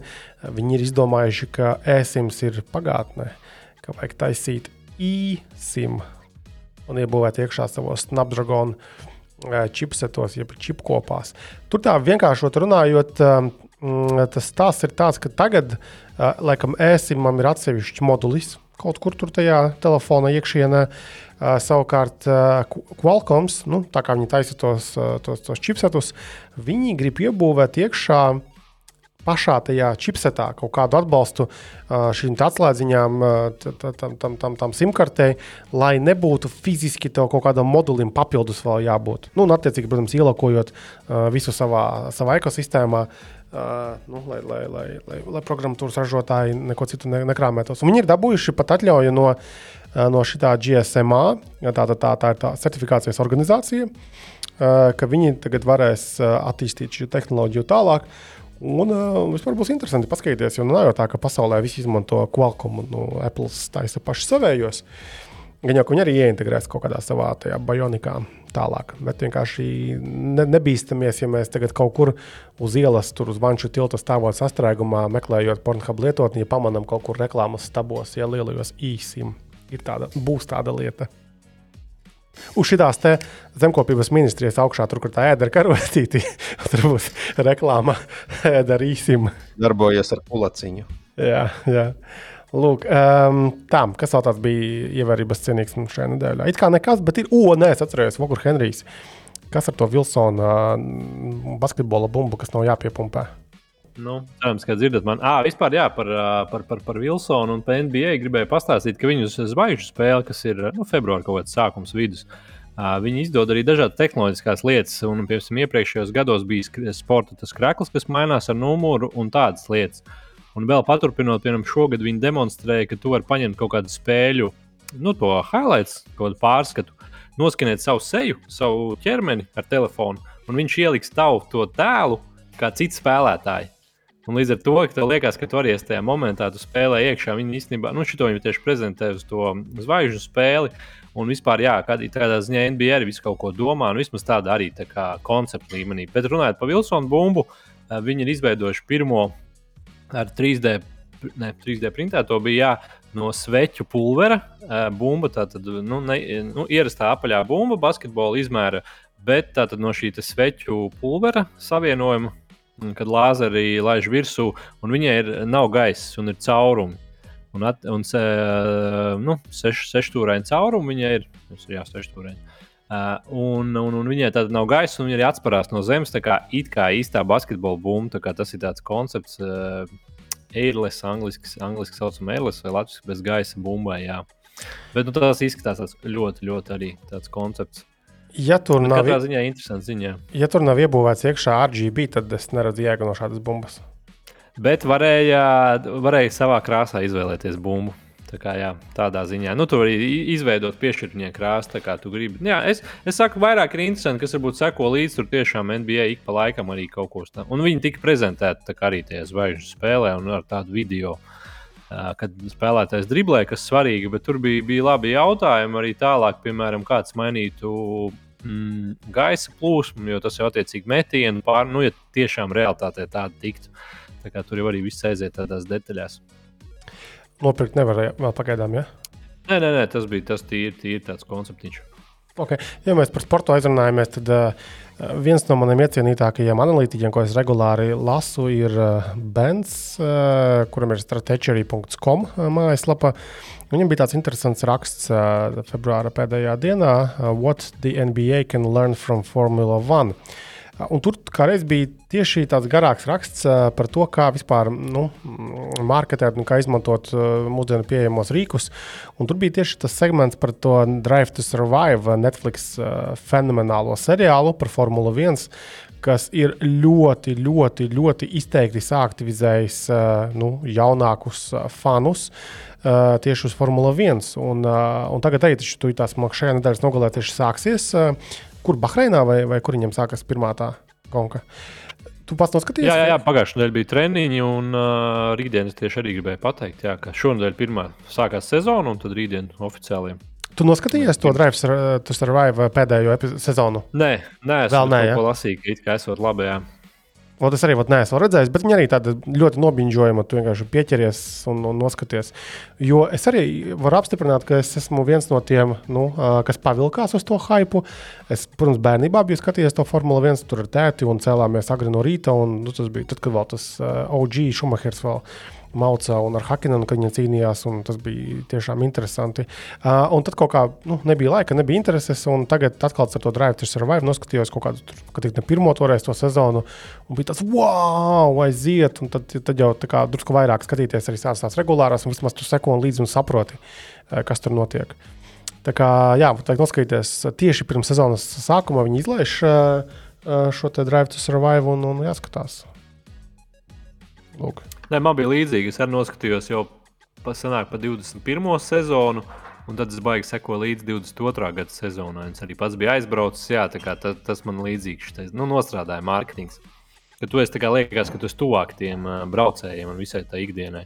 Tāpēc, ka viņš tik labi sataisīts, tur drāma un viss pārējais, un skaņas. Viss bija tik ļoti garš, reāli garšīgi padarīt to sporta veidu. Uh, Lūk, jā, ok. Kas mums vēl tāds interesants ir no tēmām, ko mēs esam uh, neizrunājuši, ko vajadzētu paņemt? Viena mazā tēmiņa par datoriem. Yes. Korsa, kors, yes. Korsairs ir sataisījis uh, interesantākus ramā izmēru ietilpības modulīšus. Ir uh, 48 gigabaiti, kas ir attiecīgi 2x24 96 gigabaiti un 192, kas arī dalās uz pusēm, attiecīgi 248 un 296. Bet uh, ideja ir tā, ka mūsdienās ir um, it īpaši, cik es saprotu, tas ir izteikts AMD Ryzen procesoriem, ka ir stabilāka visa tā sistēma. Ja tev ir tikai divas plāksnes iekšā, divas rama plāksnes iekšā datorā, uh, kā arī uh, mazāk izmērā sistēmu platēm. Vispār ir tikai iespēja pievienot divas šīs RAM plāksnes. tad tev ir uh, iespēja variēt gan ar ietilpībām, gan ar stabilitātēm un tā tālāk. Un neviens cits beigās galā to nav izdarījis, un Korsērs to ir izdarījis. Ir dīvaini, varbūt mēs tagad viņus varam saukt par dīvainākām ietilpībām, bet nu, tev, ir, tev ir iespēja variēt, kas man likās interesanti. Runājot par tādu desktop datoru vai, vai gaming datoru operatīvās atmiņas apjomu nepieciešamo, kāds ir tagad tavs tas novērtējums? Ar 32 gigabaitiem pietiek vai 16 pietiek? Kā ir? Uh, mm, tu runā tieši par ikdienas darbiem vai par mūsu to vaiprātīgo testu? Gamings. Uh, hmm, nu te jau parādās kaut kādas portētās spēles, kurām vajag arī tur visus 3, 264 gigabaitus RAM. Bet, manuprāt, uh, jāskatās, kādas tev pašam ir vajadzības. Manuprāt, vēl viens standartiņš ir 16 gigabaiti. Uh -huh. Divreiz pārspīlēt, sasprāst iekšā, un tev pilnīgi pietiekās. Jā ja tev ir kaut kādas specifiskākas darba vajadzības, vai, vai kaut kāda tiešām specifiska, prasīga spēle, tad 32 gigabaiti, bet man liekas, ka vairāk kāptu virsū. Jo, spēl... ir, nu... jo spēlēs, protams, ka visu to smago celšanu jau video kartē izdara ar, ar savu krietni ātrāko šo video atmiņu, kura tur jau tur 12 gigabaiti vai, vai vairāk, pat, man liekas, ir 24. Jā, jā. Jā. un, un tā tāpat ir ātrāka nekā operatīva atmiņa. Viņa ir vienkārši tuvāk tam visam akcionam. Uh, un liela nepieciešamība pēc lielas operatīvās atmiņas visdrīzāk ir kaut kādos tiešām. Nu, Uh, nezinu, renderēšanas, kaut kā kaut ko būvēšanas, aprēķini, kaut kādi, kaut kādu tur, nezinu, mašīnu learning modeļu trenēšana, va tur visa enerģija sākas operatīvā atmiņā. Bet tā, nu, ok, 16, tad, tad joprojām pietiek arī. Labi, vai vēl kaut kāda mums ir tēma, vai sākam apaļoties lēnā garā šoreiz, lai nemocītu mūsu dārgos klausītājus ar vēl vienu divstundīgu epizodi. Nav vairāk tēmu. Ja? Uh, kas mums tad ap, apskatu pasaulē? Tātad, uh, mm, es aizsūtīju Jurģim šodien uz testu Logitech Brio 500 uh, kopā ar Logitech Litra Glow gaismiņu. Tātad tas ir tāds, manuprāt, salīdzinoši pieejamas klases webkamera, uh, nu, kas pat par sevi varbūt nav tik interesanta, bet es domāju, ka būs forši komplektā paskatīties ar um, ar, ar to litra gaismiņu. Jo Logitech piedāvā arī tādas lietas. Vispār Logitech diezgan daudz ko piedāvā visādiem streameriem, gameriem. Un, uh, tagad Jurģis varēs iejusties arī uh, streamerā, varbūt kaut kādu sesiju uzrīkos kaut kādā Twitchā vai Ansis Maida noteikti domā par OnlyFans. Ja, viņš, ja viņš saņem nē, nē, nē, mēs, es gribēju piebilst, ka mēs tieši ar Jurģi pagājušajā nedēļā baigi cīnījāmies, jo viņam bija jautājums, nu, paklau, vajag laptopu tur, lai būtu darbiņam, lai varētu smuki tur izskatīties, bet, bet tas nebija OnlyFans un, un, un tāda ziņa, tāda veida darbiņš, cik es sapratu. Es tā nevaru simtprocentīgi atbildēt par šo, bet cik es sapratu. Uh, Bet, nu, vienmēr sakot, vajag kaut ko, kas ir bijis labāks par standarta laptopa 720p tām drausmīgajām kamerām. Un mēs ar Jurģi konstatējām, ka nu, ir, jā, laptopā ir iebūvēts šādas kameras, bet tajā, tajā mirklī tas laptops maksā kaut kāds 2,5-3 tūkstošus eiro, kas vairs nav tik interesanti. Vai pareizāk sakot, kas ir galīgi neinteresanti. Un turklāt, ir, bija, man liekas, tur bija vien, viens Dēls, divi HP, Man liekas, ka Rāzeram vēl bija kaut kāds viens laptops, kurš skaitījās ar ļoti labu kameru. Pie mums nedabūnams, bet, nu, jebkurā gadījumā, ja tev vajag to labo kameru, tad tev faktiski ir nu, jāiet uz ārējo kaut kādu modulīti, kas tur tiek piesprāstīts klāt. Un šis varētu būt uh, Jurķim, varbūt pat atbildi tam, tam jautājumam, saglabā esošo dzelzi, saglabā esošo datoru bet piesprāst viņiem klāt uh, labāku kameru, kas ir ļoti, ļoti būtiski arī gaismiņu.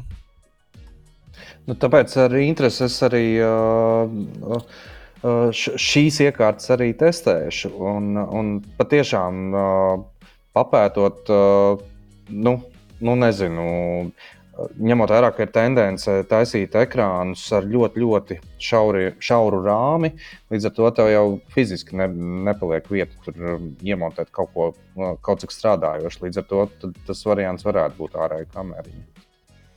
Man liekas, ka Huawei bija kaut kāda, vai Samsungam bija kaut kāda datora, kas pie mums nebija īsti nopērkama, kuram bija kaut kādā F-pogā iebūvēta kamera, kas atšāvās vaļā. Un tu varēji dubultzodu un nāsis filmēt. Tas bija baigi labais. Tas ir tāpat kā kuram Lenovo tas, bija jā, apakšā zem displeja.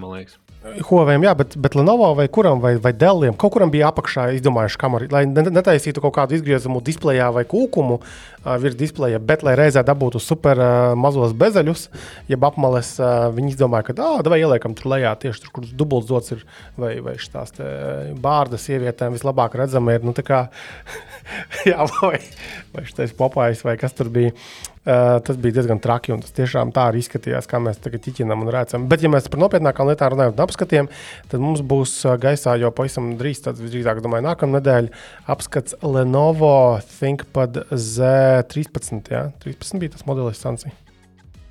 Jā, jā tur, viņiem viņi tur baigi skaidrojās. Viņam drusku tā kā neveiksmīgs ar šo Z-burtiņu. Jā, ka nav nekādas saistības. Kā, un... kā ļoti daudz lietas izrādās mūsdienās ir dīvaini nosauktas. Nu, neviens nevarēja paredzēt. Bet uh, pats laptopiņš ir uh, pa, uz padārgo pusi. Būsim godīgi. Uh, pieejams gan 13, gan 16 soli izpildījumā. Bet tā unikālā feature. Uh, unikālā feature. Jā. Nebija tur nekā super unikāla. Kā nebija unikālā?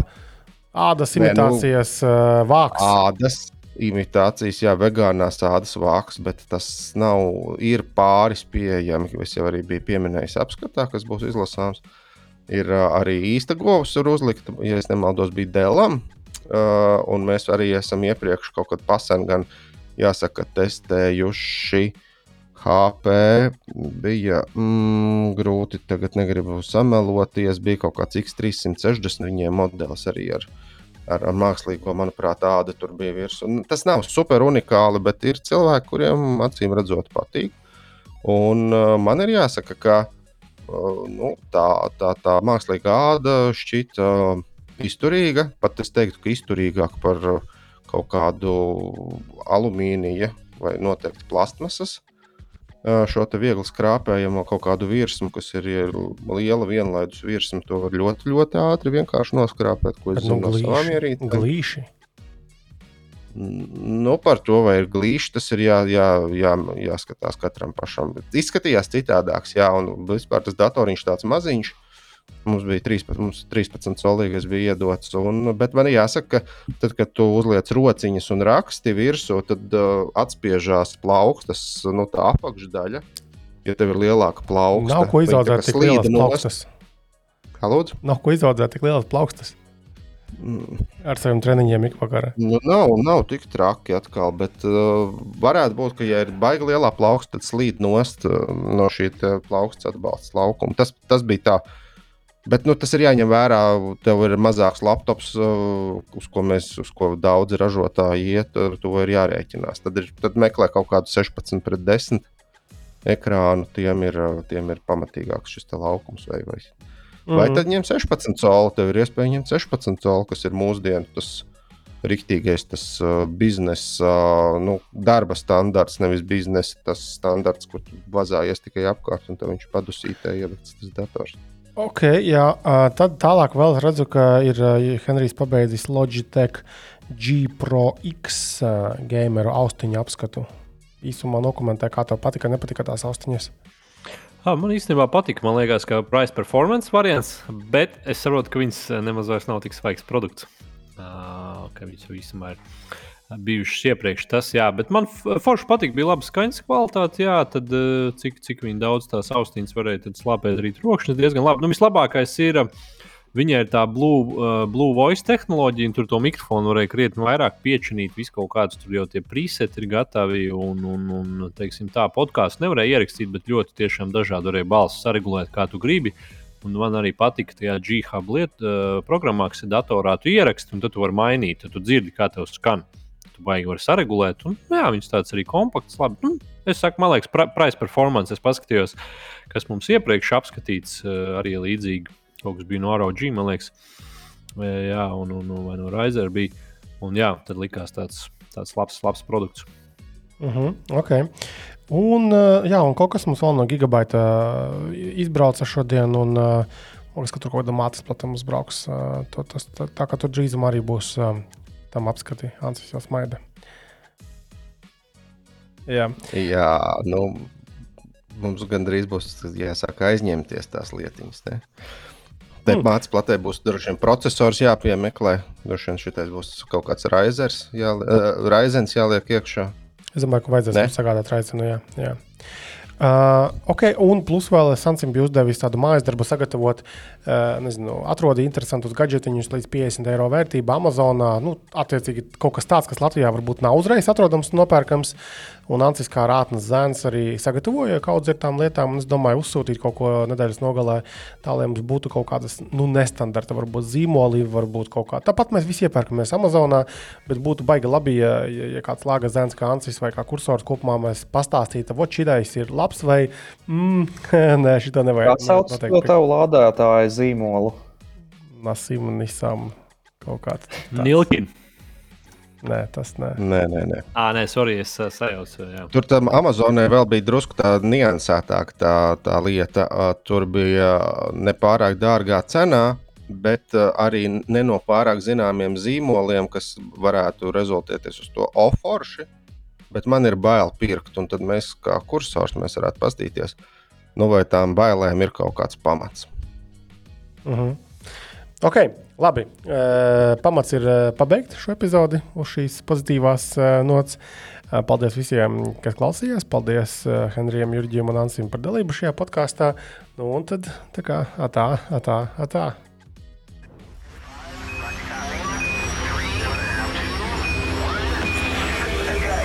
Ko kursors tev neraksta? Regulārs tehnoloģiju podkāsts kopā ar Cursors LV. Thank you.